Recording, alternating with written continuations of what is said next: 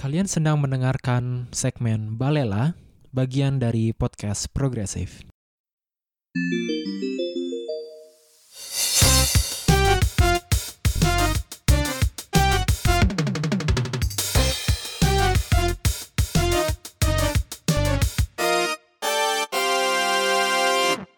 Halo Sobat Progresif, selamat pagi, siang, sore, dan malam, di mana pun kalian berada.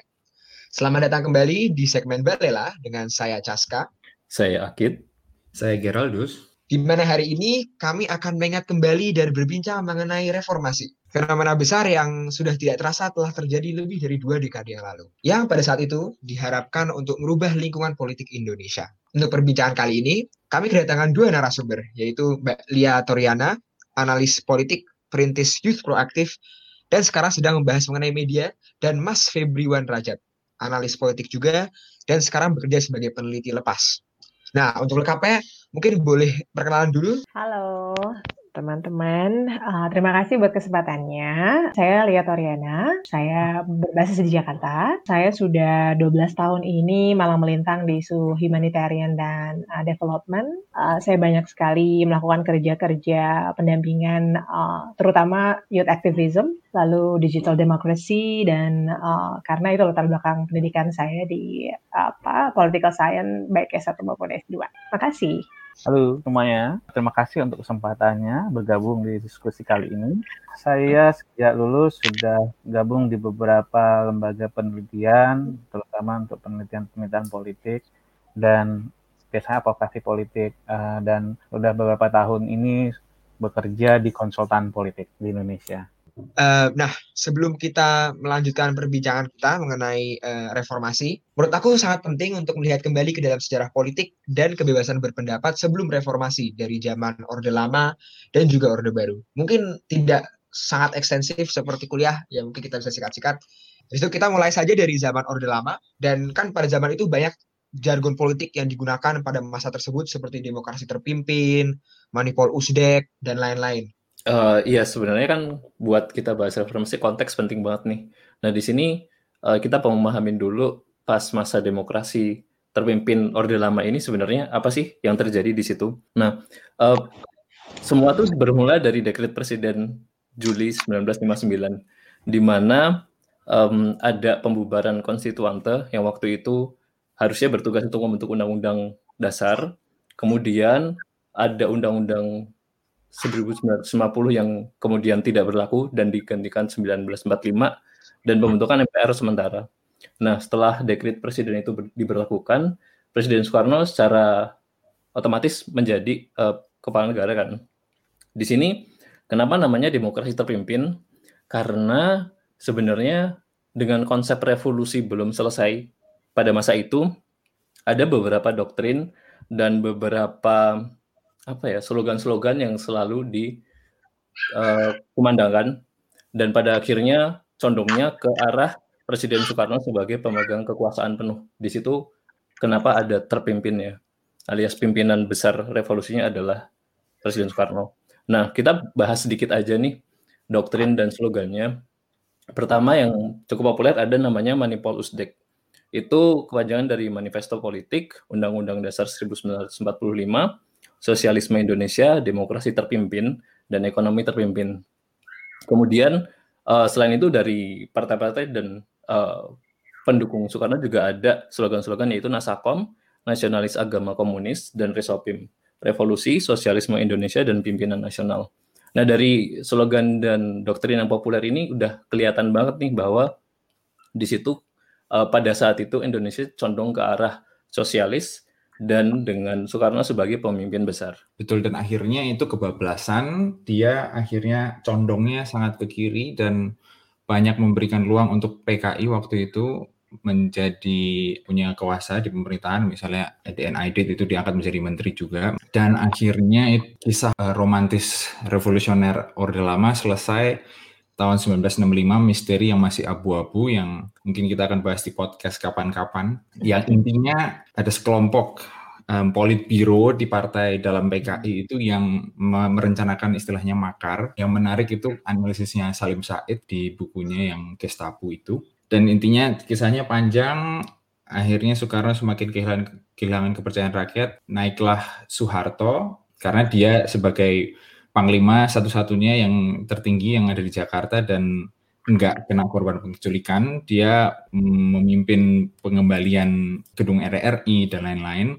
Dan dia di situ langsung mengecam dan mengklaim bahwa ini karya PKI. Semenjak itu PKI juga menjadi sasaran um, serangan dan lain-lain karena memang itu konflik yang sudah terjadi di akar rumput lawan hijau lawan merah, NU Muhammadiyah lawan gerakan gerakan di bawah yang milik PKI dan akhirnya Soeharto dapat secara misterius super semar. Dan super semar ini yang mengantarkan Soeharto menjadi penggantinya Presiden Soekarno. Waktu itu masih pejabat presiden walaupun dia menolak untuk dianggap sebagai pejabat presiden dia maunya jadi pemangku pejabat presiden tapi itu hanya semantis intinya dia udah mengambil alih kekuasaan Soekarno dan akhirnya dia membubarkan MPR DPR versi Soekarno, dia pilih sendiri isinya dan dia mengawali Orde Baru dengan asumsi bahwa ada orde lama tentunya. Orde lama itu orde yang kiri, yang tidak konsekuen dengan Pancasila, tidak percaya Tuhan dan lain-lain dan selalu motivasinya orde barunya dia itu akan menjadi eh, sebuah tatanan pemerintahan yang akan menjalankan Pancasila dan UUD 1945 secara murni dan konsekuen. Tapi sebelumnya mungkin setelah, kalau dibilang saya agak ini saya agak maju sedikit ya dari kalau 1959 tadi kita sebenarnya uh, contoh bagus untuk politik di awal-awal uh, kita merdeka ya ya kita pernah mengalami uh, euforia politik yang sangat luar biasa ketika uh, 1955 itu pemilu dalam konteks politik misalkan ya. Artinya kita pernah di awal kemerdekaan mengalami dinamika politik yang sebagian orang atau sebagian pengamat politik menilai demokrasi di pemilu tahun 1995 itu sangat baik, terjadi hmm. banyak kebebasan politik dan lain-lain. Baru ketika terjadi kegagalan konstituante dalam untuk undang-undang kepemimpinan Soekarno tahun 1959 berubah karena kecewa, mereka, uh, Soekarno dulu kecewa uh, terhadap konstituante yang tidak berhasil merumuskan undang-undang dasar yang baru, maka uh, kita memasuki masa demokrasi terpimpin di mana Soekarno adalah panglima tertinggi dengan berbagai jagon-jagonnya. Saya tidak bilang bahwa Soekarno sangat kiri ya, tapi semangat untuk terjadi keadilan sosial itu sangat tinggi pada zamannya Soekarno. Pada saat itu, walaupun dengan jargon-jargon, walaupun terjadi penculik apa penangkapan juga terjadi ya dalam uh, konteks uh, politiknya misalnya. Ya, secara teoritis ya, itu demokrasi terpimpin itu maksud masuknya ke mana sih? Dia apakah dia otoriter atau dia masih demokratis atau gimana gitu secara teoritis? Eh, demokrasi terpimpin ala Soekarno itu sudah ke otoritarian menurut saya ya. karena kan dia sudah atau personalize uh, Soekarno menganggap dirinya itu sentral dari kekuasaan gitu kalau demokrasi terpimpin kita juga pernah ada namanya demokrasi Pancasila dan itu saya agak nggak lucu mendengar demokrasi terpimpin itu. Hmm, jadi aku kasih momen gini aja. Kalau bicara demokrasi gampangnya kayak gini, karena kan teman-teman, aku juga kita sama-sama belajar. Uh, ketika kita bicara soal satu dari sekian banyak tolok ukur demokrasi, salah satunya adalah pelaksanaan pemilu, ya. Dan di banyak riset global uh, mengakui bahwa di Indonesia setidaknya ya tiga sukses pemilu. Pertama 1955 kedua 1999. 1955 persis pada saat Orde Lama. Soekarno ya. Hmm. ya. Hmm. Dan di sepanjang Orde Baru nggak ada satupun pemilu yang dianggap sukses dan menghasilkan demokrasi yang benar-benarnya. Jadi kita mau bilang, uh, apakah demokrasi terjadi di Orde Baru? The choice is yours. Artinya kita udah tahu jawabannya, ya. Iya, sudah sudah lumayan inilah kelihatan ya. Ya, 1955 itu terjadi di masa Soekarno waktu itu tuh uh, pernikahan atau katakanlah uh, pertautan antara komunisme, Islam ya, Masumi uh, dan juga apa namanya Partai Sosialis, uh, Partai Komunis PKI saat itu, sorry, dan Partai Sosialis Indonesia ada juga waktu itu kan saat itu kan partai banyak banget ya 1955 ya. Hmm. Most democratic election ever in Indonesia is 1955. And then 1999 adalah saat transition kan kita hmm. selesai hmm. 32 tahun, lalu 99. Everyone just uh, building political party. Ya nggak sih? Hmm. Ina, inu, ina sih segala macam. Nah itu kemudian dianggap menjadi salah satu tonggak baru demokrasi kita. Kenapa? Karena setelah 32 tahun di bawah Orde Baru, adalah pemilu di tahun 99 di mana everyone can choose selain Golkar tentunya ya Hmm. dan dua partai lainnya. Jadi dua itu yang harus kita ingat. Pertama adalah pemilu yang uh, luber, jurdil, ya langsung membebas rahasia dan Hmm. jujur dan adil, dan juga banyak pihak-pihak yang berpartisipasi di dalam pemilu. Kita perlu ingat itu dua dua dua pemilu tadi. Jadi kita mau bandinginnya di situ. Terus soal jargon demokrasi terpimpin, demokrasi kok terpimpin? itulah, itulah. Itu kan kayak kita tapi selingkuh. Gimana coba?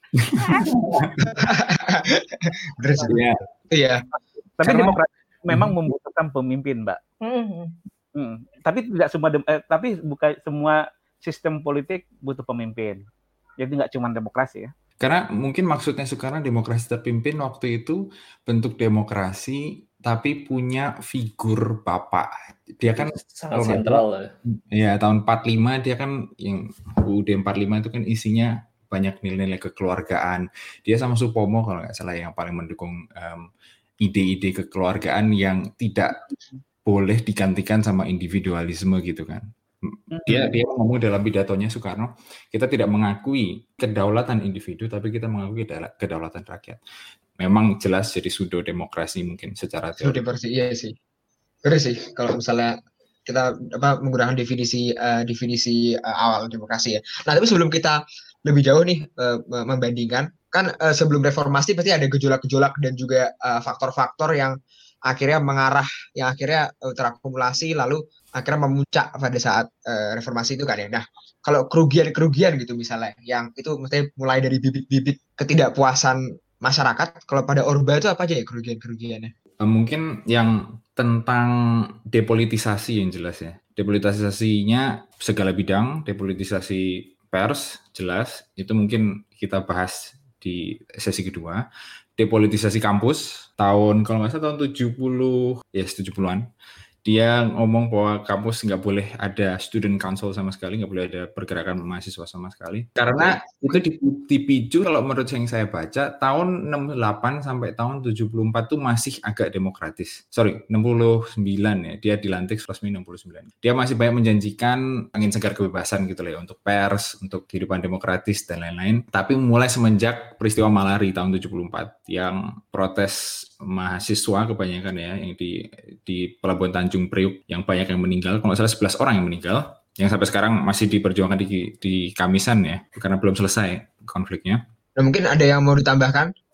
Eh, nyambung tadi karena dibahas sedikit NKKBK tadi eh, normalisasi kehidupan kampus ya betul waktu itu eh, ketika eh, Orde Lama jatuh dan di situ ada para mahasiswa dulu eh, kehidupan aktivisme mahasiswa baik dari eh, organisasi ekstra kampus dulu sangat dilihat ya.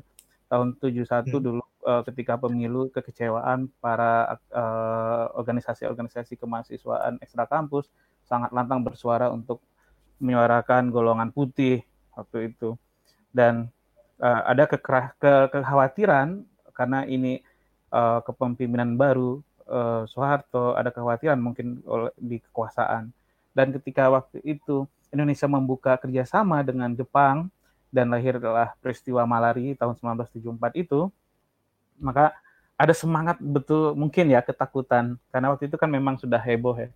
Tahun 79 akhirnya Hmm. diberlakukan oleh ya, normalisasi kampus itu. Mahasiswa harus bukan harus sebaiknya belajar aja deh mungkin kira-kira begitu Jadi- waktu, waktu Jadi setelah dibungkam gitu ya tahun 79. Eh, menurut pembelaan Daud Yusuf Daud Yusuf waktu itu menteri ke, eh, ke- eh, pendidikan dan kebudayaan yang mengeluarkan kebijakan ini dia bilang bukan pemungkaman tapi tapi membiarkan mahasiswa belajar dengan baik itu, itu, itu kan Hmm. gaya bahasa yang eh, orbas Bahasanya sangat hati-hati. jadi mungkin ya eh, berkaca waktu orde lama dijatuhkan dan ada peranan mahasiswa yang sangat ya ada peranan mahasiswa di sana maka eh, orde baru mungkin melihat itu potensi untuk kekuasaan mereka bisa dilengsarkan mungkin ya waktu itu Dan nggak langsung maksudnya pernyataan-pernyataan bahwa mahasiswa belajar aja gitu ya, nggak perlu nggak perlu Ya, dulu kan Jadi, kan. pasca kebijakan Hah? itu kan kelompok mahasiswa yang aktivisme mahasiswa itu kan sangat berkurang, terutama dengan organisasi kemahasiswaan ekstra kampus kan nggak boleh. Mungkin salah satu hal yang membuat efek domino yang akhir-akhirnya prinsip belajar di Indonesia itu adalah ya membaca buku, hafal, pintar, selesai Iya. gitu kan ya. Iya, itu juga juga tonggak selain mahasiswa itu udah dulu link and match itu yang harus dipersiapkan sumber daya manusia harus baik disiapkan dengan baik supaya bisa menjadi sum apa eh, pekerja yang baik karena waktu itu industri Indonesia kan udah mulai mulai ini ya mahasiswa mahasiswa maksudnya mahasiswa waktu itu dipersiapkan Hmm. sebagai penyuplai tenaga kerja untuk industri-industri yang baru berkembang pada saat itu. Dan itu memang depolitisasi terjadi di kampus. Dipolitisasi dan maksudnya bukan gimana-gimana sih terdengar juga seperti apa ya mengurangi sisi individunya ya nggak sih? Soeharto kan amat mem, apa ya istilahnya mem, memfetisisasi kestabilan nasional gitu kan, kestabilan nasional yang Betul. tidak tidak boleh tan- trilogi pembangunan itu loh, kestabilan nasional, uh, apalagi yang kedua ada pemerataan pembangunan lalu jadi dia pokoknya meng- dengan dalih itu membungkam semuanya yang dilihat untuk menggang- dilihat akan mengganggu kestabilan nasional itu tadi. karena dia diawali dengan ketidakterbukaan sejarah karena Super Semar itu juga masih simpang siur ya Hmm. dan pada akhirnya juga kepemimpinan Soeharto dalam konteks politik mau- tidak membawa angin segar ya terjadi diskusi Oh, oke. eh, partai politik kita partai politik yang dulu rame saat tahun 1970 pemilu di Baru gitu.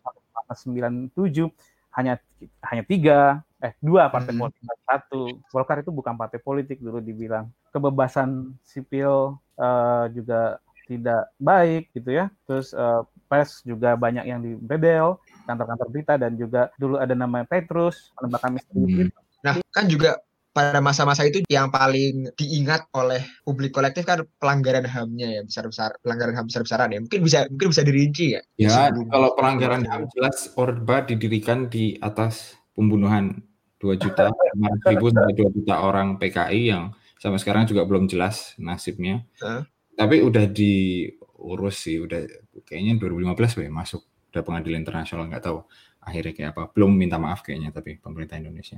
Terus 74 Darah. juga terus aktivis yang diculik sebelum 97 96 juga udah banyak. Tapi mungkin yang masuk HAM juga kan yang persoalan etnis Cina ya. Mungkin bisa dijelaskan lagi menurut Mbak kenapa sih kok Orde Baru tuh rada membuat etnis Cina sebagai musuh gitu. Walaupun kronik-kronik Ya, banyak yang Chinese gitu kan. Dan juga awalnya tuh sebenarnya gimana sih kok bisa em, etnis Cina tuh bisa di, apa dianggap seperti seperti antagonis gitu pada saat reformasi ini pasti kan ada ada sumbernya kan awal-awalnya kan. Penggantian Nah, ini aku juga aku juga menemukan nih bahwa ada keputusan menteri tahun 78 yang diturunkan oleh Direktur Jenderal Perdagangan, Perdagangan Luar Negeri itu larangan impor perdagangan, pengedar pengedaran segala jenis barang yang dicetak dalam huruf atau aksara dengan bahasa Cina. Itu beneran ya? Maksudnya itu sudah sangat ya, hitam di atas putih nggak sih? Sangat represif kan ya berarti? Kata gue pernah juga nih diundang kayak, maksudnya ngobrol kayak gini juga lah, apa maksudnya sama teman-teman, kenapa ya Li kayak Hmm. gitu? Gue bilang, terus gue jawabnya kayak gini, ya gue bukan diktator, gue gak bisa jawab. diktator doang lah, lah yang punya bahkan pikiran. Jadi kalau lo baca, lo coba cek ya, Ya ya. itu dimulai dari saat tadi disebut ya apa eh, Soeharto jadi pejabat presiden 1967 setelah Super Semar turun ya itu kan di masa bahkan Soeharto masih eh, apa ber apa berstatus seba- sebagai pejabat presiden dia itu mengeluarkan impres instruksi presiden eh, di tahun yang sama kalau tidak salah instruksi presiden 1967 eh, yang it- itu betul-betul mengatur sekali soal yang intinya diskriminasi terhadap etnis Tionghoa. Itu bahkan dibilang kalau etnis Tionghoa itu menyebabkan uh, atau memberi dampak anak uh, uh, psikologis yang buruk buat masyarakat, Bo. Gitu. Oh ya, tertulis itu ya. Itu ter- maksudnya itu Oh ya? statement-statement. Iya, statement-statement. Soeharto. Sampai pengejawantahan dari impres itu ada LPKB kan, kayak lembaga gitu ya, yang intinya untuk uh, apa sih si LPKB ini yang intinya untuk menasionalisasi quote and quote para etnis Cina. Makanya kenapa bokap gue dan para saudara-saudaranya itu namanya jadi Jawa semua, dia Jawa Timur kan, Hmm. nama, nama apa nama Indonesia. Gitu berbondong-bondong lah dia ganti nama Ina Inu Imlek dilarang ya. Dulu Imlek harus ada pembatasan-pembatasannya gitu. Jadi ya itu cuma acara kecil keluarga dan tidak dilakukan secara uh, besar-besaran. Terus begitu juga tidak menunjukkan kalau dia apa namanya kecinaannya gitu. Loh lo nggak bisa gitu. Mungkin ada tambahan, Mas Rajab? saya tarik dari Geraldus dulu tadi ya dengan, karena saya ingat ada trilogi pembangunan nasional zaman Orde Baru. Karena waktu awal-awal Orde Baru, karena kan kita juga mengalami kondisi ekonomi yang tidak membaik, maka mungkin Orde Baru akan mengejar uh, pembangunan lebih dahulu. Maka yang dilakukan adalah pertama stabilisasi nasional, baik stabilitas politik maupun sosial, maka turunannya itu adalah yang tadi kebijakan-kebijakan yang tadi depolitisasi. Sebenarnya untuk Eng Tionghoa juga bagian dari ini, tetapi kalau kita lihat dari sejarahnya, mengkotakkan sosial itu juga dimulai dari Hindia Belanda. Sayangnya itu diwariskan oleh, diteruskan oleh Orde Baru dan hmm. legal ya waktu itu dengan peraturan-peraturan yang sudah disebutkan tadi. Uh, Primnya adalah ketika terjadi stabilitas, baik itu politik dan sosial, di barat nggak ada konflik, nggak ada konflik politik, politik di DPR aman-aman aja, terus masyarakat nggak ada pecah-pecah juga, atau derdam langsung, maka pertumbuhan ekonomi akan sangat cepat. Uh, dan setelah itu maka akan terjadi pemerataan ekonomi itu harapannya tapi yang terjadi adalah sel selain terjadinya tadi diskriminasi terhadap etnis tertentu. Pertumbuhan oke okay, waktu itu memang membaik dan di kita di Orde Baru dibilang sebagai macan Asia waktu itu, tapi pemerataan juga tidak terjadi. Korupsi banyak yang wah KKN ya. Ya. Dan kue-kue ekonomi kan cuma dikuasain oleh kroni-kroni Soeharto doang. Nah, uh, nyambung dari etnis tadi, kalau kita ngomongin tentang diskriminasi atau masalah HAM yang Orde Baru, nggak cuma etnis Tionghoa juga mbak, tapi juga kan ada juga teman-teman dari Muslim Islam ya. Kita waktu itu Tanjung Sari dan Tanjung Priok juga kan peristiwa itu juga tidak bisa kita lupakan. Kalau dibilang tadi Orde Baru dibangun oleh darah jutaan rakyat Indonesia yang diduga PKI juga, tapi juga dari teman-teman uh, Islam juga ada. Jadi keluarga kita yang beragama Islam juga di sana ya. Hmm. Uh, dan memang pemerintahan pada Orde Baru itu memang agak sedikit menyeramkan sebetulnya karena sedikit kita berbeda pendapat, kita ngomong kayak gini, terus kita nggak tahu besok apa kita masih bisa ketemu. Kan hmm. banyak waktu itu katanya kita ngomong aja dan bahkan masalah nonton atau komedi terus atau puisi pun juga sangat ketat ya dan kita tidak diperbolehkan mengkritik pemerintahan. Ya kita juga pernah kan nggak cuma pembatasan-pembatasan juga bahkan masalah ada sensor terhadap film uh, bahkan kita juga diwariskan nonton G30 SPKI itu oh ya wajib ya. Ya, wajib. Oh, tapi sejarahnya kan versi pemerintah. Betul. One, one sided story hanya satu sisi ya. ya berarti. Iya kan? Tadi mau menambahkan aja, secara general juga pemerintah itu memegang kuat sekali ya untuk apa yang sebenarnya boleh disebarkan informasi dan apa yang enggak. Misalnya tahun 89 Oktober ya mungkin bisa dikoreksi kalau ada yang salah. Kejaksaan Agung sampai membentuk clearing house yang meneliti buku-buku yang dinilai berbahaya. Iya betul. Saya mau cerita dulu pengalaman hmm. dosen saya ya waktu kuliah. Hmm. Itu dia waktu itu ngambil master di Belanda dan waktu itu dia bilang masa-masa ini sangat rajin dan sangat suka membaca buku Marxisme gitu ketika dia harus pulang, buku itu tidak diizinkan untuk masuk. Betapa dia kesusahan untuk membawa buku-buku itu, karena itu kan dilarang oleh rezim.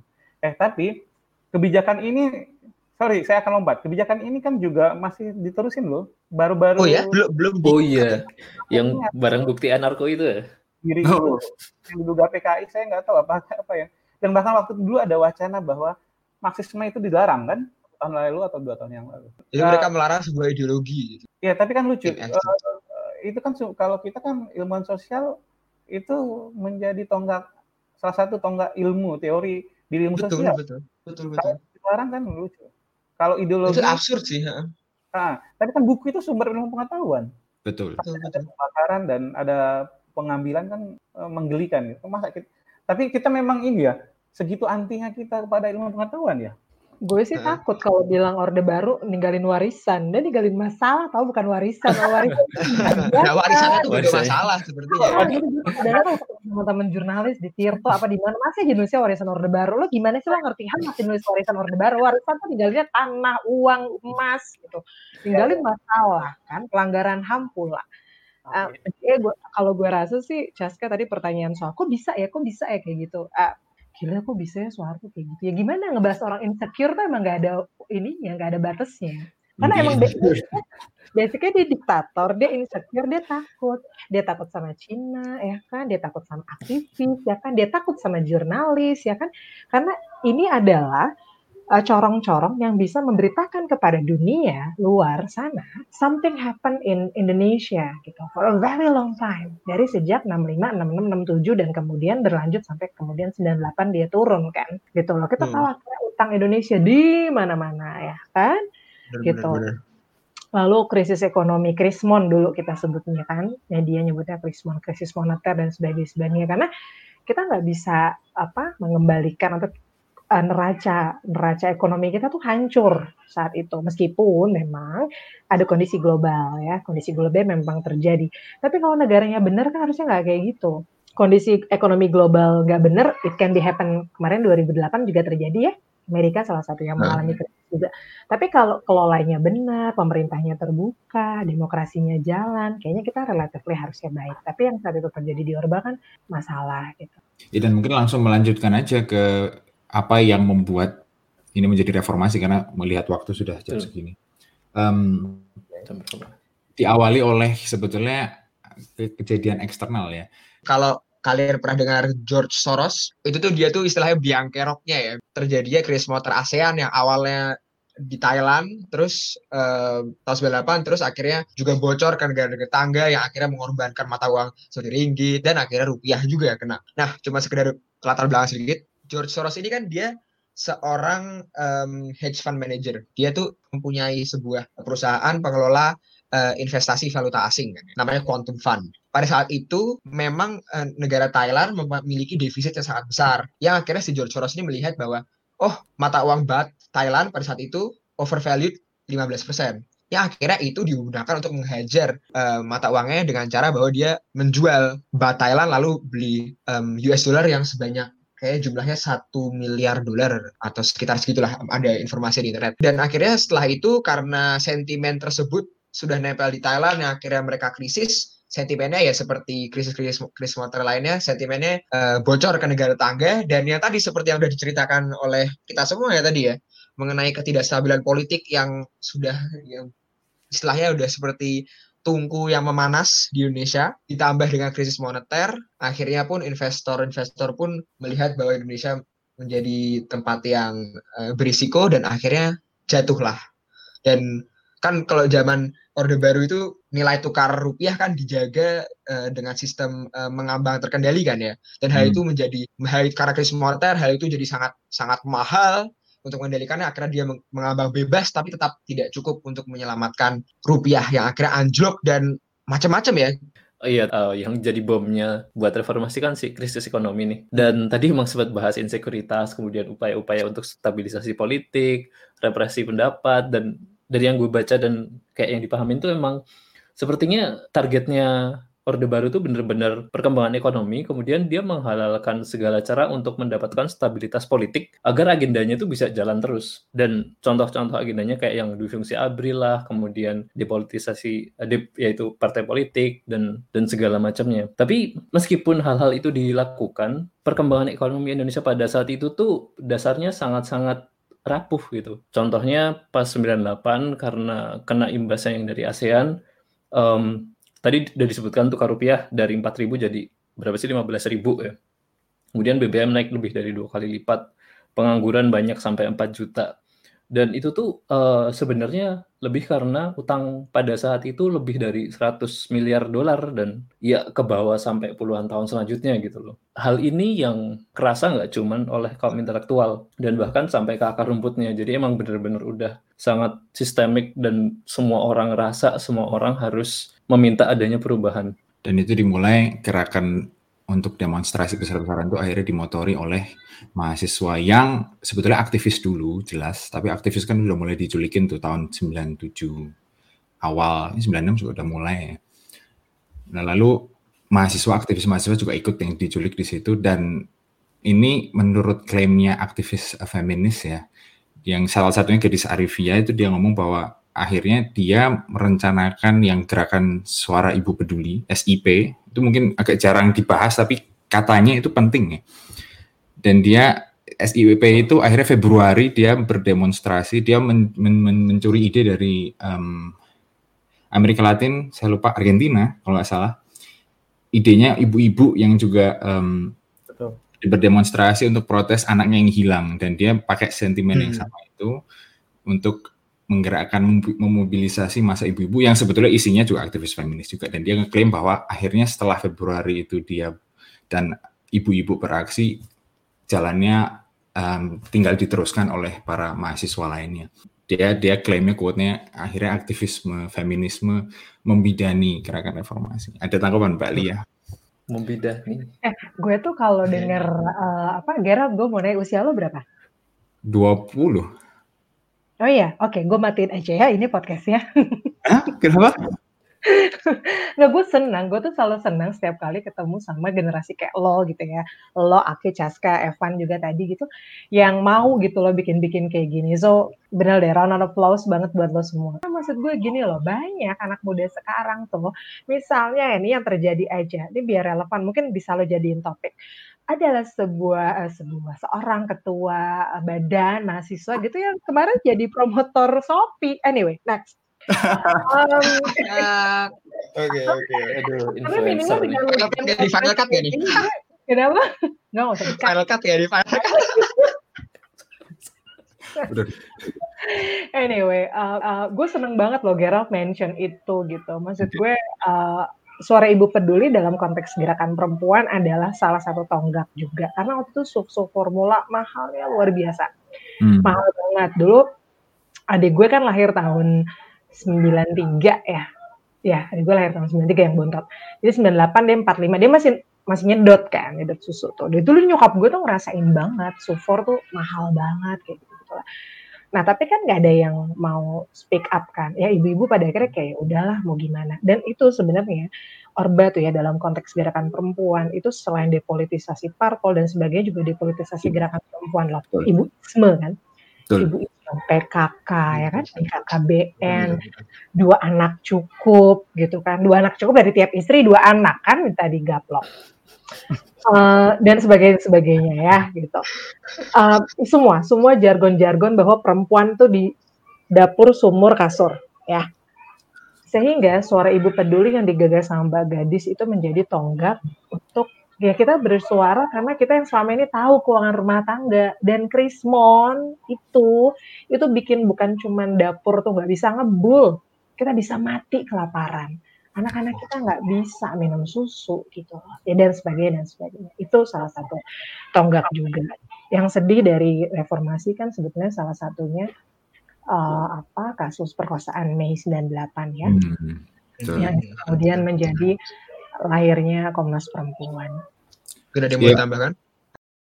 ini saya sangat personal ya ceritanya karena kenapa personal? Karena tahun 98 tuh saya kelas 6 SD Uh, my father is, is a he's a Chinese Surabaya. Jadi papa saya orang Chinese Surabaya gitu. Nah, terus dia kerjanya di Wisma Indosemen di Jalan Sudirman. Ya 12 Mei du- 11 12 Mei tuh sebenarnya ibu saya udah bilang udahlah nggak usah kerja nih kok kayaknya serba nggak pasti gitu. Kalau saya sih dulu sekolah sekolah aja ya nggak terlalu nggak terlalu Hmm. mengikuti kita juga ya masih SD Nah, terus eh, tanggal 12 itu eh, bapak saya nggak bisa dihubungin. Jadi kan udah ada berita tuh ya. Berita. Satu-satunya dulu berita tuh eh, TV swasta tuh RCTI. Ada TVRI, tapi kita udah bisa akses RCTI, eh, TV swasta pertama lah gitu ya. Nah, kan mama saya udah khawatir tuh, udah yang ini gimana nih papa gitu. Terus saya udah yang apaan sih nih? Saya saya berjarak ya karena khawatir orang tua saya nggak paham politik tuh apa. Itu juga alasan kenapa saya milih ilmu politik sebetulnya. Jadi lebih ke pengalaman personal. Nah terus eh, 12 Mei malam udah nggak bisa dikontak sama sekali. Kantor udah nggak bisa dikontak. Karena everyone di Jalan Sudirman itu udah nggak tahu ke mana. Udah nggak tahu, udah nggak tahu intinya pagi 13 Mei itu kita udah dalam kondisi pasrah. Dalam kondisi ya em, kita berpikir bahwa papa saya kayaknya sih maksudnya karena ya perawakannya Cina gitu ya gitu ya mau gimana dong Eh, dan kondisi sudah sangat chaotic karena 13 itu puncak kerusuhan penjarahan tuh di 13 Mei di 12 tuh udah mulai Hmm. mahasiswa lalu 13 Mei itu puncak hmm, kerusuhan penjarahan gitu ya beberapa mall bahkan eh, kalau teman-teman juga baca juga apa ada pem- pembakaran massal di beberapa pusat perbelanjaan gitu. Nah, Itu parah banget sih.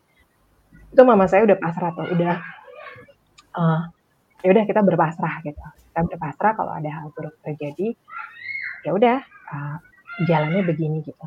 Saya kayak ah ya begini maksudnya apa ya? Uh, karena saya pikir kalau orang mati itu kalau nggak sakit kecelakaan gitu sesuatu yang itu nggak ada urusannya sama negara. You know what I mean? itu nggak ada urusannya sama Hmm. negara gitu jadi kayak Jadi ini momen realisasi gitu ya. Apa ternyata negara kekuatannya jauh lebih nih apalagi ya tadi mulai ngomongin orde baru kan. Istilah all encompassing gitu kan ya. exactly exactly Mungkin ada tambahan Mas Rajab? Ya, itu tadi sih, saya menambahin tadi sih, ya, saking hebatnya pemerintah Orde Baru waktu itu mau menstabilkan kondisi nasionalnya, dia itu punya strategi sampai urusan kamar juga harus diatur. Tadi Mbak Lia sudah ngomong tentang KB, eh, BKK, BKKBN itu, dan perempuan hanya dijadikan sebatas urusan dapur itu, yang Mbak Litor ya. Dan eh, kalau tadi sih eh, gerakan suara ibu peduli itu ya, ya memang betul dari Argentina ya di Plaza de Mayo mbak ya waktu Plaza itu de. Mayo eh, Nah, ya itu.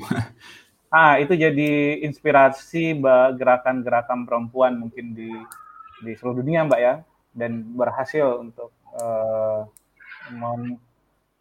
menggugah rezim lah kira-kira gitu.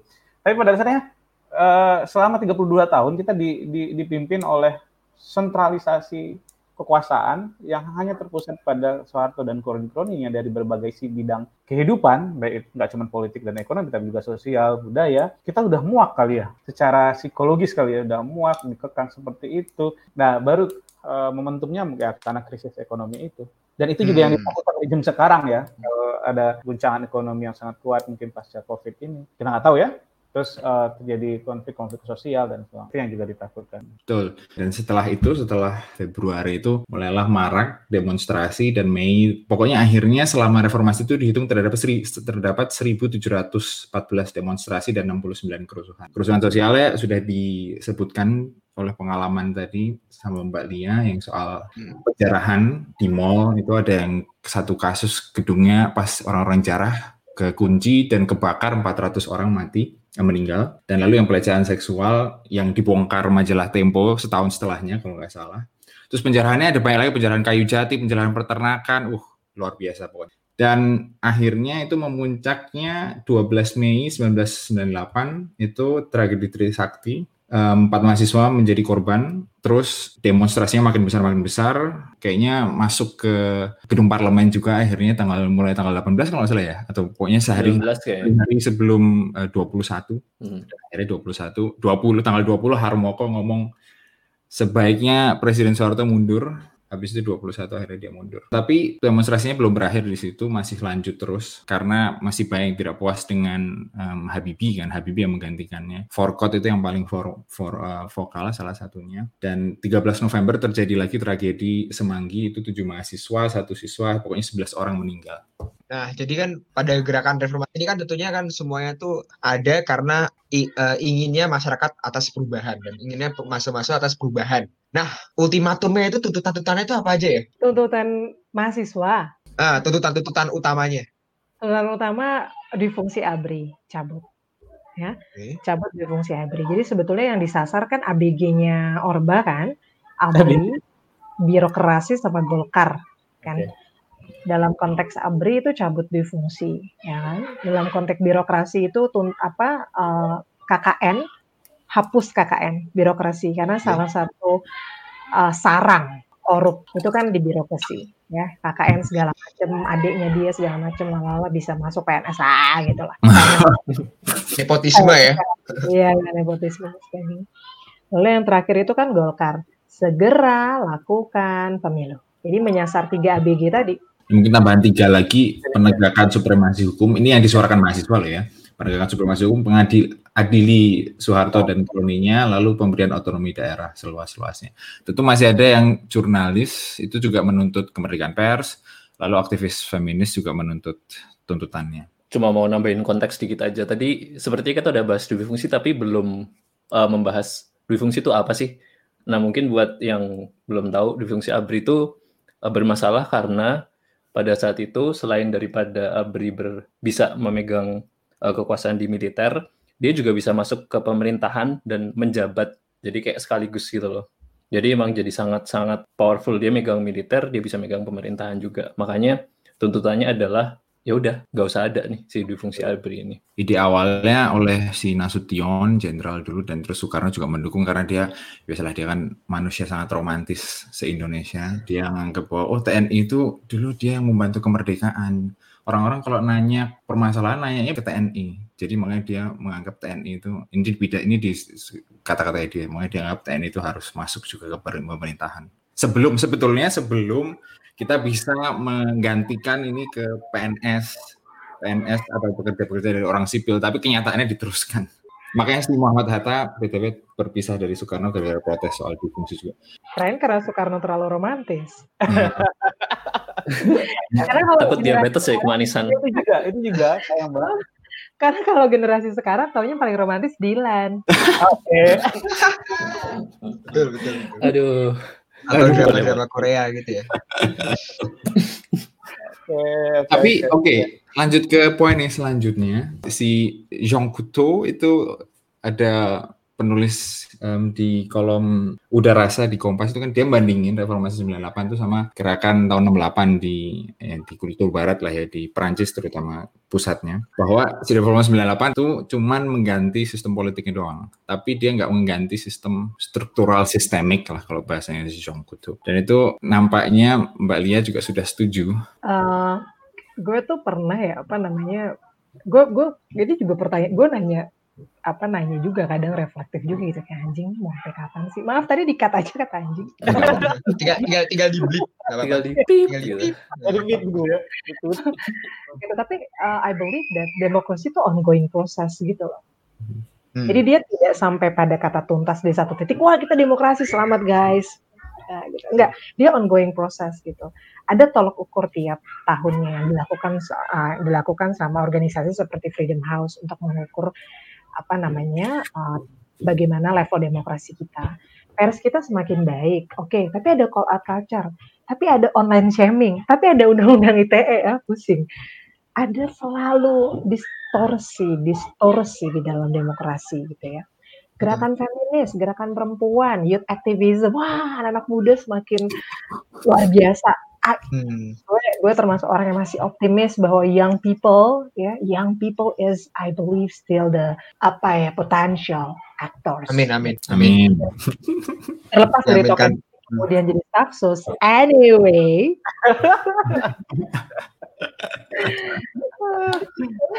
gue ingin menyebut sesuatu yang lain tapi terlalu ini sudah di saya sejak lama. Ya, oke. Okay. Nah, nanti aja ya offline atau distorsi dalam konteks otonomi daerah seluas-luasnya. Tadi Rajab di awal-awal menyebutkan soal adanya undang-undang desa. Trickle down effect ya kan. Ternyata korupsinya sampai bawah-bawah tuh. Jadi selalu ada distorsi-distorsi dari hal-hal yang mau secara ideal kita terapkan gitu gimana sih sebenarnya ini kayak chicken and egg gitu kan. Jadi sebenarnya apa sih hmm. apa kebijakannya, manusianya, kah strukturnya apa segala macam. Karena gue gue orang behavioral, gue nggak tahu kalau Rajab kayak orang struktural. Enggak juga.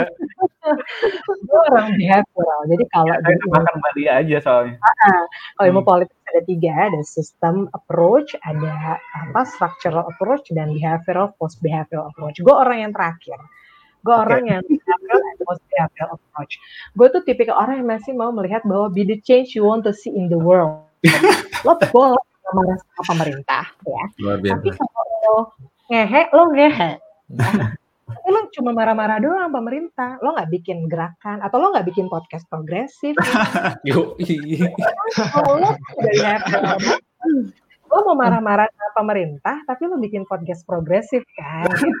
Sebagai ruang Entah gak ini biar gue diundang lagi. provokasi mbak, provokasi. jadi seperti itu. Jadi ah, lo mau lo mau marah-marah, oh lo mau marah-marah, demo demo, demo. silahkan nggak apa-apa, ruangnya ada gitu ya. Atau lo mau, gue mau masuk ke dalam, gue mau masuk ke sistem nih, karena gue yakin di dalam, oh di dalam ternyata bonyok juga gitu. Apa pun, tapi gue orang yang percaya bahwa behavioral dan post behavioral. Jadi individu, individu is I believe uh, pihak yang bisa diintervensi untuk mengawali perubahan itu. Gue oh, masih orang yang percaya sama itu. Mantap. Nah, bentar. Ini untuk biar kembali ke ini ya. Kan tadi kan berarti kan tuntutannya udah jelas ya, apa yang ingin diubah gitu kan. Terus yang akhirnya terjadi yang berani diubah tadi apa udah dijabarkan tadi belum ya? Belum ya, sepertinya saya cuma, cuma disebut belum ya? Oh, coba dijelaskan sedikit. Ha. Sampai sekarang ya. Jadi kalau tuntutannya itu tuntaskan KKN, mungkin sampai sekarang, waduh, susah bilang bahwa KKN sudah tuntas di Indonesia. Wad- Waduh sekali itu ya. Eh, tapi kita, kita bisa berharap pada KPK, tapi ya KPK oleh rezim sekarang juga begituin, Mbak. Gimana dong? Terus Iya. Iya, bahas KPK nih. Atau jangan, iya karena gue tujuh tahun di Transparency International kan. ya itu kantornya di Jerman loh, di Berlin tapi dia. gue gue pernah ya. Anyway, so uh, K- KKN ya. Karena kita hanya mengandalkan KPK untuk melakukan itu. KPK tuh dikultuskan sebagai the one and only, the one and only quote and quote pihak yang bisa menyelesaikan kasus korupsi. Kalau misalnya kurikulum anti korupsi dilakukan dari zaman sistem pendidikan, gue rasa persoalannya nggak akan terlalu besar. Kurikulum anti korupsi nggak ada lagi pas kita sekolah. Ada sih di PKN ya, tapi cuma paling 2-3 kali. Jadi kurikulum Sisdiknas pernah ada nggak? Pernah dibahas nggak sama podcast progresif Sisdiknas? Waduh, ini usulan topik yang menarik. Bisa kasih masukan. Oh, tau nggak sih di Sisdiknas ya, di halaman pertama Sisdiknas, Sisdiknas itu udah disebut akan dan harus melahirkan manusia yang apa? Yang soleh. Gue nggak tahu lah kalimatnya. Ya. Ya, Intinya, intinya Soleh coba, gila. Jadi usul urus bahkan urusan bukan orang yang melek sama teknologi. Jadi lu percuma kayak ke Jerman. Lu udah soleh belum? kayak anak soleh sih, Mbak. jadi jadi jadi gini, ngapain baca buku? Ngapain baca buku karena urusan sama Tuhan pun diatur negara. Gitu Gila. kan. Gila ya, ngomong sama Tuhan aja sulit ya. Negara masih masuk. Iya sih. Saya hanya ingin sholat gitu kan. Bingung. Enak kalau enak kalau negaranya kayak ini loh, apa Pak Pos gitu ya, yang bisa mengantarkan surat terus surat itu sampai. Kalau kita berdoa ke Tuhan, kalau negara bisa menyampaikan doa kita dan terkabulkan, alhamdulillah ya. Ini masalah kan juga. Iya, katanya harus percaya kekuatan doa. Kurang berdoa Iya. apa? 60 juta jiwa manusia Indonesia. Ya kan? Menangkal corona juga pakai doa sih kalau di sini. Di sini. topik ban- panjang nih. Tadi itu satu lagi supremasi hukum. Kita dapat pembagaan ya, perubahan pembagaan dalam bidang hukum. Ada Mahkamah Konstitusi, ada Komisi Yudisial kalau pasca reformasi. Apakah itu mendukung adanya supremasi hukum? Eh, kita sama-sama tahu dan melihat sekarang ya, apakah eh, ada kemajuan apa enggak teman-teman sendiri yang bisa menjawab itu. Terus tuntutannya lagi Adili Soeharto dulu pernah dicoba diadili, tapi waktu Gus Dur ya Mbak ya waktu itu di malah terkesan membela Soeharto waktu itu. Terkesannya dengan Gus Dur mengunjungi Soeharto waktu itu dan sampai Soeharto meninggal proses pengadilan sepertinya belum tuntas dan desentralisasi seluas-luasnya. Hmm. Permasalahannya adalah reformasi itu menghendaki adanya demokratisasi waktu itu dan demokratisasi, demokratisasi itu salah satu eh, dua, eh, setidaknya ada dua ya. Eh, pertama kekuasaan yang tidak tersentralisis, kedua eh, kekuasaan eh, adanya pergantian kekuasaan yang reguler. Dalam artian ada pemilihan umum, ada ada kalau ada pemilihan umum harus ada partai politik yang harus ada pesertanya yaitu partai politik. Nah, desentralisasi kita sudah berjalan ya. Kalau kita acuannya tahun 2004 kita eh, sudah hampir berapa 16 tahun ya berjalan desentralisasi itu. Desentralisasi walaupun dengan berbagai format-formatnya ya. Eh, desentralisasi juga diwa- dimaknain selain karena eh, apa penyerahan kewenangan kekuasaan baik itu keuangan juga pemilihan pemimpin daerahnya lewat pilkada gitu. Yang dulunya menjadi kepala daerah itu ya kalau nggak militer atau sipil yang disetujui oleh Soeharto atau eh, lingkar kekuasaan istana. Sekarang kan kita bisa menikmati pilkada itu kita bisa pilih langsung dengan berbagai konsekuensinya. Yang sekarang kita lihat banyak raja-raja kecil di situ ya. Eh, maksudnya akses ya tadi Mbak Lia Tori bilang ada distorsi-distorsi dalam demokrasi. Dan kok kayaknya agak kontraproduktif gitu ya. Karena waktu itu di Kompas ngeluarin em, grafik bahwa di, di daerah-daerah itu yang politik dinasti itu tadi, yang terpilih itu gubernur banyak gubernur yang sama terpilih walaupun indeks indeks kemajuan daerah itu apa ya namanya saya nggak tahu indeks indeks kemajuan daerah nggak maju tapi tetap aja kepilih maksudnya ada entah apa harusnya kan otonomi daerah buat menaikkan indeks perkembangan gitu kan tapi kenapa malah seakan-akan formalitas gitu Mas ada yang sangat ter, ter, ter- ter-Indonesia banget gitu maksudnya terlalu luas lingkup uh, produktivitas politiknya gitu malah yang lebih lucu kepala daerahnya ternyata korupsi dan punya dinasti tetap terpilih ya. Iya itu ya. Banten. Kalau enggak istrinya yang terpilih ya gantian. Hah? Kalau enggak dia turun, istrinya terpilih, turun anaknya. Ya, itu. Eh, Ya. Ya kan? bagi temennya ipar hmm, nama-nama gitu. Eh, Saya sih nggak beruntung karena saudara saya nggak ada kepala daerah dan juga nggak ada Iya staf. saya juga. Kalau staf khusus kan saya akan pakai kampanye ya mungkin. Kartu prakerjanya mbak ya. Kan lumayan itu. Banyak yang mendaftar kan. Bisa dikelola sebagai uh, pemilih nantinya. Eh, kalau kartu prakerja itu masuknya ke mana itu kalau bisa dikaitin ke reformasi itu? Apakah dia ada kaitannya atau enggak itu? Mungkin uh, kalau nggak tahu saya mencoba untuk mengkait-kaitkan ya. Iya. Uh, bukan konspirasi ya, bukan. Tapi nggak mungkin bermaksud baik ya bahwa kita uh, pasar farmasi itu yang menjadi ketertatih adalah pembangunan sumber daya manusia dan pembangunan kita masih terfokus pada uh, fisik ya, bukan konsum, Iya. sum- pembangunan sumber daya manusia. Dan prim, prim dari pembangunan kita pada waktu baik orde baru maupun pasca reformasi itu ya pembangunan dalam bentuk fisik gedung, eh, jalan, coba jalan tol yang sepanjang-panjang itu gitu ya. Tidak pada bagaimana membentuk manusia yang bermutu. Konteksnya yang prakerja itu adalah membangun manusia yang bermutu kali ya. Sampai harus mengajari bagaimana cara memancing dan mendownload Microsoft Office ya. Itu juga sebagai sumber daya manusia. Install Windows 200 ribu gitu. Iya. Em, menarik karena aku tuh nemu sebenarnya satu paper ya, yang dia berargumen bahwa 20 tahun reformasi itu malah ke sini makin ke sini ada tanda-tanda bahwa demokrasi kita cenderung ke arah iliberal nih. Dan itu menurutku menarik banget waktu itu tak baca. Dan eh, iliberal itu apa sih sebenarnya? Bahwa ya proses demokrasinya jalan semangatnya masih ada. Tapi eh, hasilnya itu bisa dikatakan quote-unquote tidak jelas siapa yang sebenarnya memimpin memegang kekuasaan. Contohnya dari pencabutan dui fungsi ABRI kita lihat sekarang ada beberapa mantan-mantan jenderal yang eh, masuk kembali ke pemerintahan. Ya mungkin mereka tidak menjabat aktif, tapi kan tidak bisa dinafikan bahwa pasti masih ada koneksi ke militer. Kemudian otonomi daerah yang tadi masih disebut adanya raja-raja kecil. Kemudian KKN yang argumennya adalah pelemahan KPK. Ini gue sempat diskusi ada yang mendukung itu, ada yang ada yang sangat kontra dengan itu kalau mau dibahas nanti. Terus ada supremasi hukum em, dan segala macamnya. Jadi gimana ya?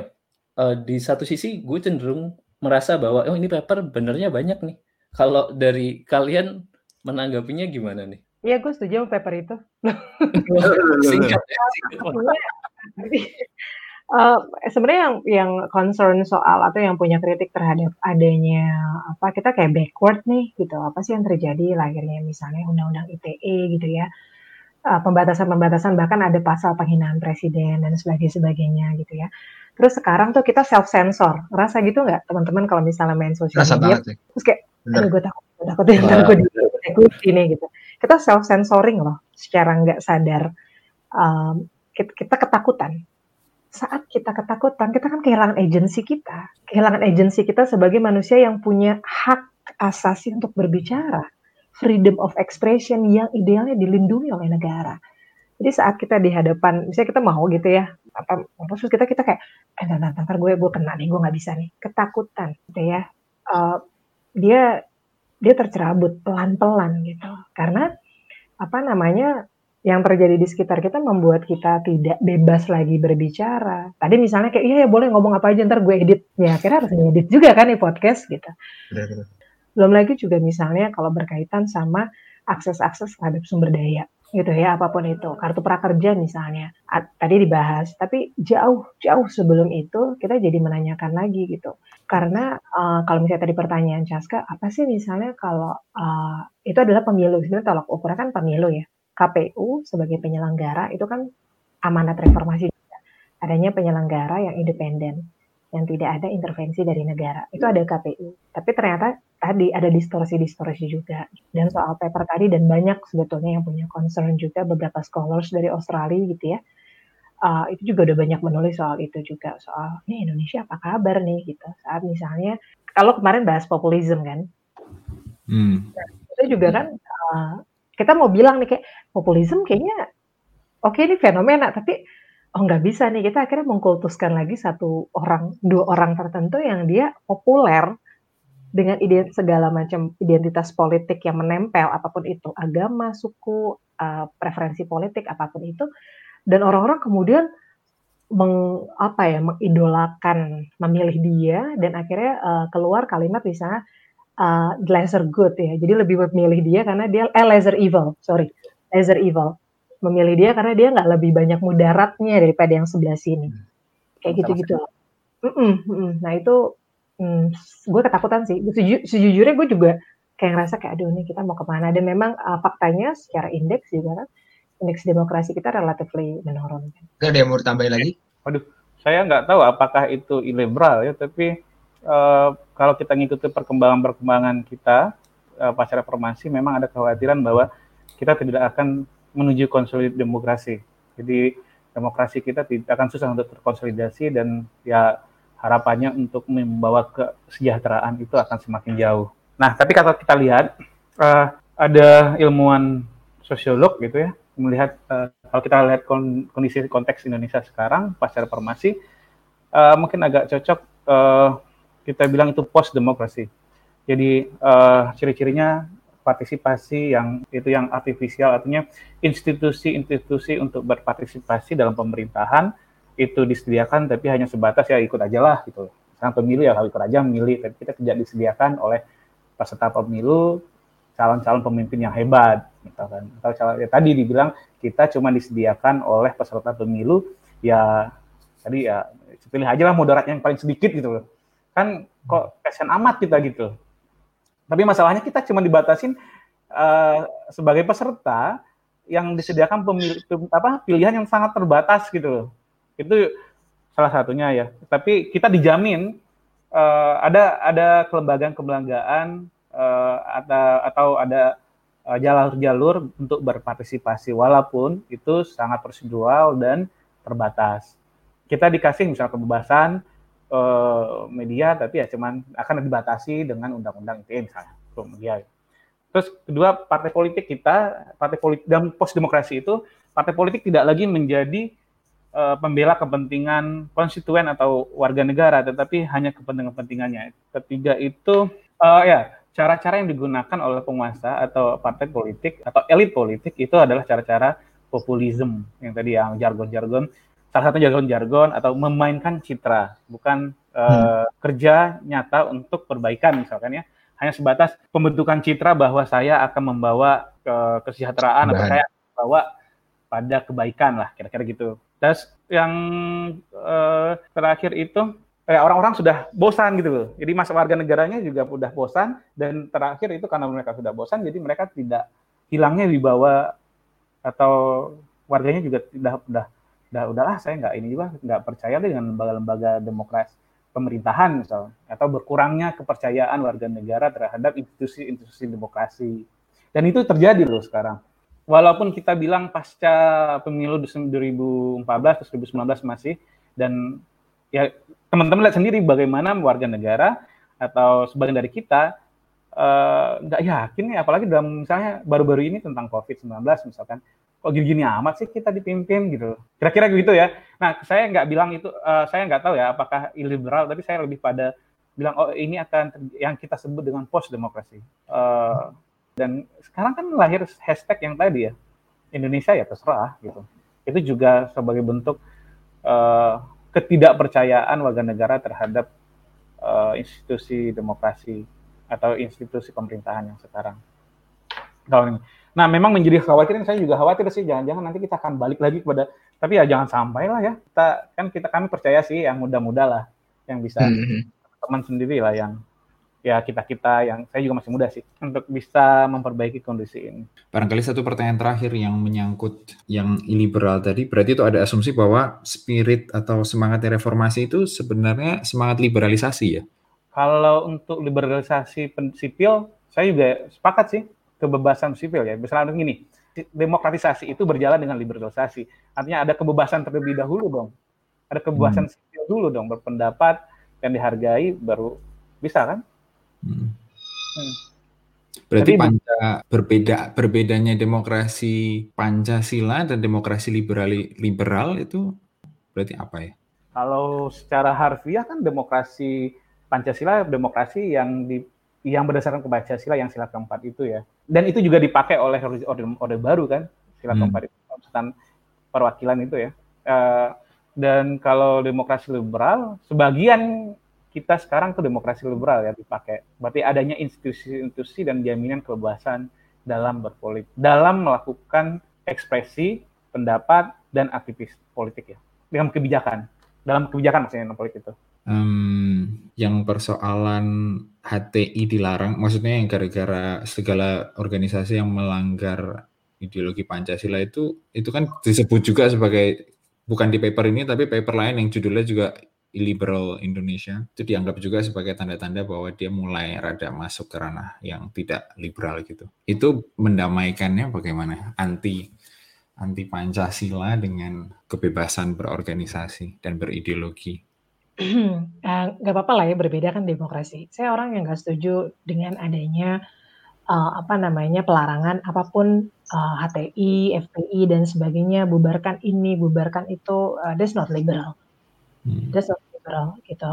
Uh, buat saya uh, bebas adalah saat kita tidak perlu merasa takut dan tidak perlu merasa insecure pada presensi eksistensi pihak lain. HTI misalnya gitu ya, uh, apa karena ber, uh, ya mereka di ini kan ya semualah dibatasi, dibubarkan dan sebagainya itu salah satu justru kecenderung itu salah satu contoh sebetulnya banyak pro kontra di kalangan aktivis juga banyak pro kontra soal itu nggak apa-apa tapi yang saya sedih sebetulnya jangan-jangan kita tidak tuntas memaknai uh, dan menjalankan demokrasi yang mau kita terapkan di negara ini. Hmm. Jadi dengan kita membatasi orang-orang kelompok ter tertentu seperti HTI itu itu kita nggak kita nggak nyaman sama demokrasi yang sedang kita jalankan karena hmm. seharusnya orang punya hak yang setara, akses yang setara untuk menyuarakan pendapatnya. Kalau memang menjadi HTI adalah pilihan, gitu ya. sama seperti kemudian yang HTI juga sah-sah aja kalau ada kelompok Ahmadiyah misalnya, ya kan? Atau ada kelompok-kelompok uh, apa namanya minoritas lainnya gitu. Saya membayangkan secara ideal semua seperti itu gitu. Jadi dalam ruang wacana narasi harusnya kita nggak perlu merasa takut dengan keberadaan HTI dan itu bukan cermin uh, demokrasi liberal menurut saya. Um, mungkin sama kayak di Jerman juga, walaupun ada partai-partai seperti AFD yang narasinya sangat eksklusif dan agak rasialis dan melawan um, imigran masuk, tapi juga tetap dibiarkan gitu kan, nggak dilarang. Karena melawan liberal eh, si Merkel juga ngomong gitu meskipun um, kalian atau si partai AFD itu ada tapi tetap kita nggak ngelawan karena um, karena yang kedaulatan hukum dan sepertinya poin tersebut bisa dijadikan kesimpulan diskusi kami kali ini menuntut kebebasan berpolitik dan juga pada akhirnya kebebasan berpendapat merupakan suatu hak yang paling mendasar untuk masyarakat di sebuah demokrasi dan juga ialah pondasi utama di mana demokrasi bisa berdiri. Nah, tapi perlu diingat bahwa sebagai pondasi utama demokrasi, masyarakat juga punya tanggung jawab yang besar, terutama buat kita semua sobat progresif. Jangan lupa kita harus selalu menjadi kritis, sadar akan posisi dan peran kita yang sangat esensial di dalam proses demokratisasi Indonesia ini. Dan pengingat yang baik, akan pentingnya peran kita semua dalam berpolitik adalah seperti yang pernah dikatakan oleh George Bernard Shaw, penulis dan aktivis politik asal Irlandia pada abad 19. Dia mengatakan, Democracy is a device that ensures we shall be governed no better than we deserve. Atau bisa diterjemahkan, demokrasi adalah alat yang memastikan bahwa kita akan diperintah tidak lebih baik dari apa yang layak untuk kita. Bukankah benar Sobat Progresif? Bila kebebasan berpolitik adalah sesuatu yang kita tuntut dan mau, alangkah baiknya untuk kita bisa memanfaatkan kebebasan tersebut dengan sebaik mungkin. Sampai jumpa di bagian kedua, tetap di podcast Balela.